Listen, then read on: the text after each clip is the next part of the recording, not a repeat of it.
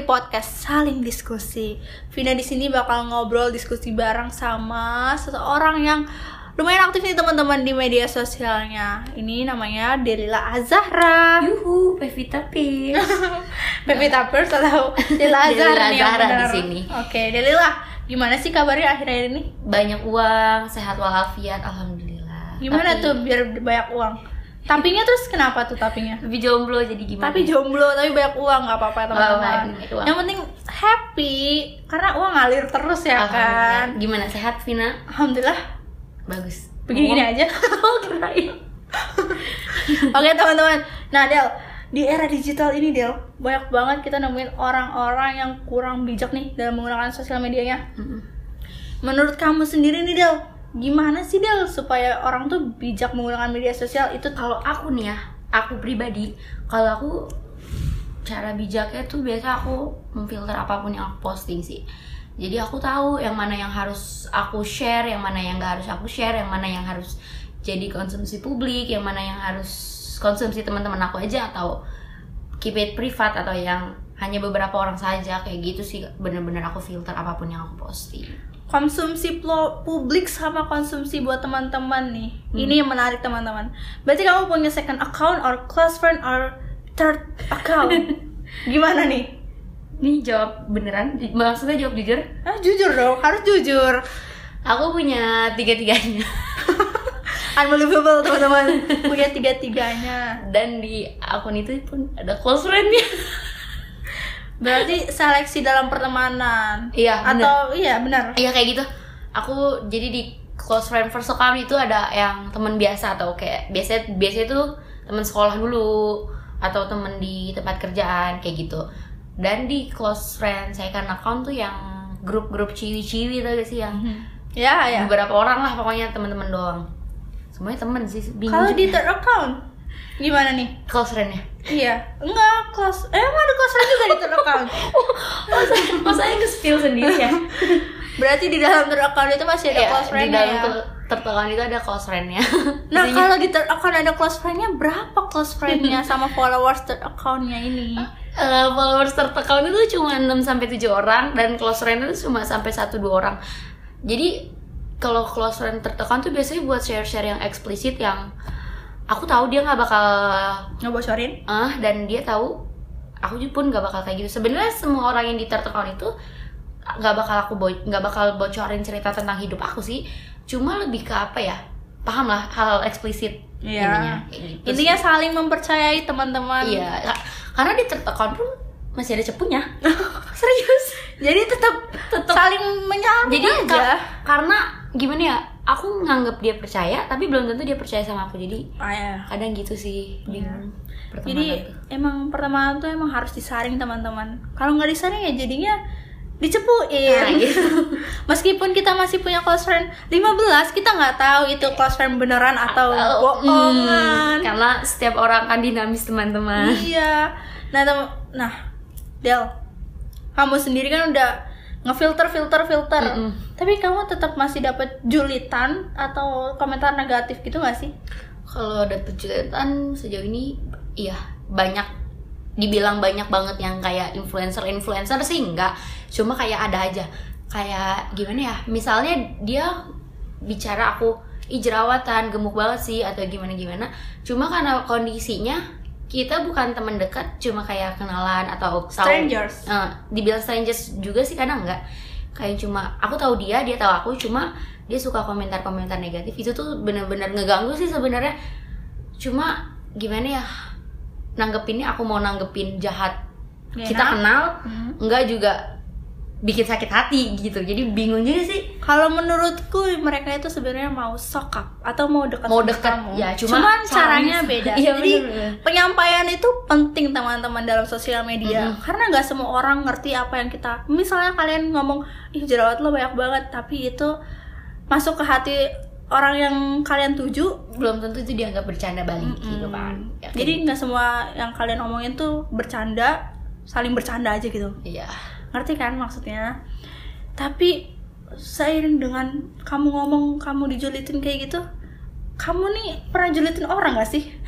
kalau julitin maksudnya kalau orang lain sih enggak sih cuma kalau bukan julid ya jatuhnya kalau ke temen deket mah kayak orang-orang yang close yang di account tadi kan cuma 6 sampai 7 orang tuh bener-bener orang deket ya Hmm. misalnya aku ngomong kayak ih muka kamu kocak gitu-gitu itu sebenarnya bukan julid cuma lebih ke ngatain sebagai teman paham kan? Kayak bercanda gitu loh. Bercandaan teman ini beda ya teman-teman sama strangers sama orang yang mau dekat sama kita sama orang yang yang Emang udah dekat sama deket. kita. Ya itu jadi semua itu ada batasannya kalau misalnya belum Nah. kenal. jadi gitu sih paling kalau komentar-komentar kayak gitu bener-bener yang ke deket karena aku tahu batasan yang mana dia bakal sakit hati atau enggak. Jadi aku tahu orang-orang yang kalau komentar gini dia sakit gak ya? Kayak gitu. Apalagi kalau kita komentar ke influencer aku tuh nggak banget komentar negatif gitu. Karena menurut aku ya itu bener-bener mengerikan jujur. Iya.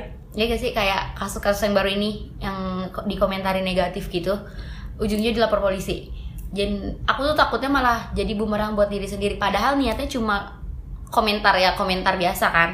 Cuma karena nggak konteksnya nganggap serius. Iya karena konteksnya bukan orang yang kenal deket atau apa pun dan influencer itu kan stranger kita ya walaupun dia influencer. Jadi kalau misalnya dia sakit hati bahaya banget karena mereka kan punya power. Kayak gitu. Apalagi komentar-komentar ke influencer itu emang berpengaruh banget. Ke komentar-komentar buruk ya pastinya. Karena ini baik lagi kita nggak kenal mereka dan kita main ngomentarin aja. Iya. jadi banyak banget kasus-kasus seorang influencer yang misal atau artis yang sakit hati sakit gitu hati ya. sampai lebih parahnya mereka sampai bunuh diri loh teman-teman. Jadi berhubung kita ngomongin bunuh diri kayak gini Hmm, pasti sosial media berhubungan sama mental gak sih Del? banget. Itu banget menurut aku.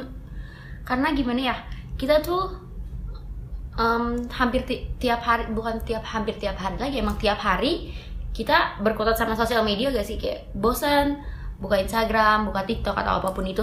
Dan kalau misalnya di salah satu postingan kita ada komentar-komentar negatif itu bakal bikin insecure kita gak sih? Bener gak Iya.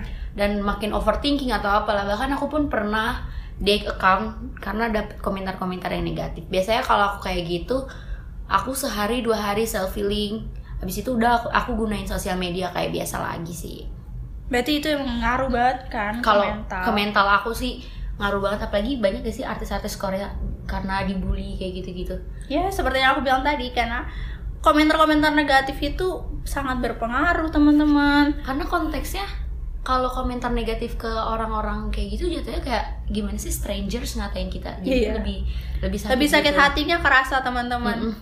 Karena sama teman kita aja kita masih kadang sakit hati Iya. apalagi sama orang lain, teman-teman. Iya, Nah, kamu kan ngefilter-filter nih. Kayak yang dari awal pertanyaan nih. Ngefilter-filter itu bikin kamu jadi punya ke- berkepribadian ganda atau gimana? Jadi kamu punya pribadi sendiri buat sosmed sama pribadi sendiri buat di kehidupan nyata kamu atau gimana? Em, aku bingung oh nggak kayak gini aku kan memfilter apa pun jadi aku tuh bener-bener jatuhnya kayak jaga image gak sih kayak Iya. di Instagram Pasti first jaga account image itu di first account kan? itu jelas. Itu mutlak. Iya mutlak. tapi kadang di second account pun aku bener-bener jaga image juga. Nggak nggak banget. Cuma kayak aku nggak bakal nge-share opini-opini di sek walaupun second account ya aku nggak bakal nge-share opini apa pun. Eh, karena takutnya malah jatuhnya jadi menggiring opini ke yang lain kan? Iya. jadi jat, takutnya Ikut-ikutan. ke mana Ah, jadi kayak lama-lama walaupun konteksnya dalam s- hal kecil takutnya malah jadi gede-gede-gede karena opini-opini atau apa Karena makin ditimbun, ditimbun jadinya terus-terusan teman-teman nggak ada berhenti-berhentinya omongan itu. Jadi kesimpulan yang bisa kita ambil nih teman-teman dari uh, diskusi kita kali ini, kita tuh harus ngefilter apa pun yang akan kita share itu menjadi hal yang paling penting teman-teman. Apalagi buat kesehatan mental kamu. Misalnya kita nggak ngefilter uh, postingan kita, kita bakal ngasih Memper- tahu orang apa kelemahan kita dan itu menjadi Iya, itu salah satu menjadi bumerang buat diri iya, sendiri. bumerang sih? buat diri sendiri nah teman-teman buat yang kalau kita misalnya nggak ngefilter um, postingan-postingan kita pasti banyak orang yang komen kan itu nggak dipungkiri pasti ada aja yang komen dan itu bakal bikin emosi kita jadi nggak stabil juga Itu setuju aku.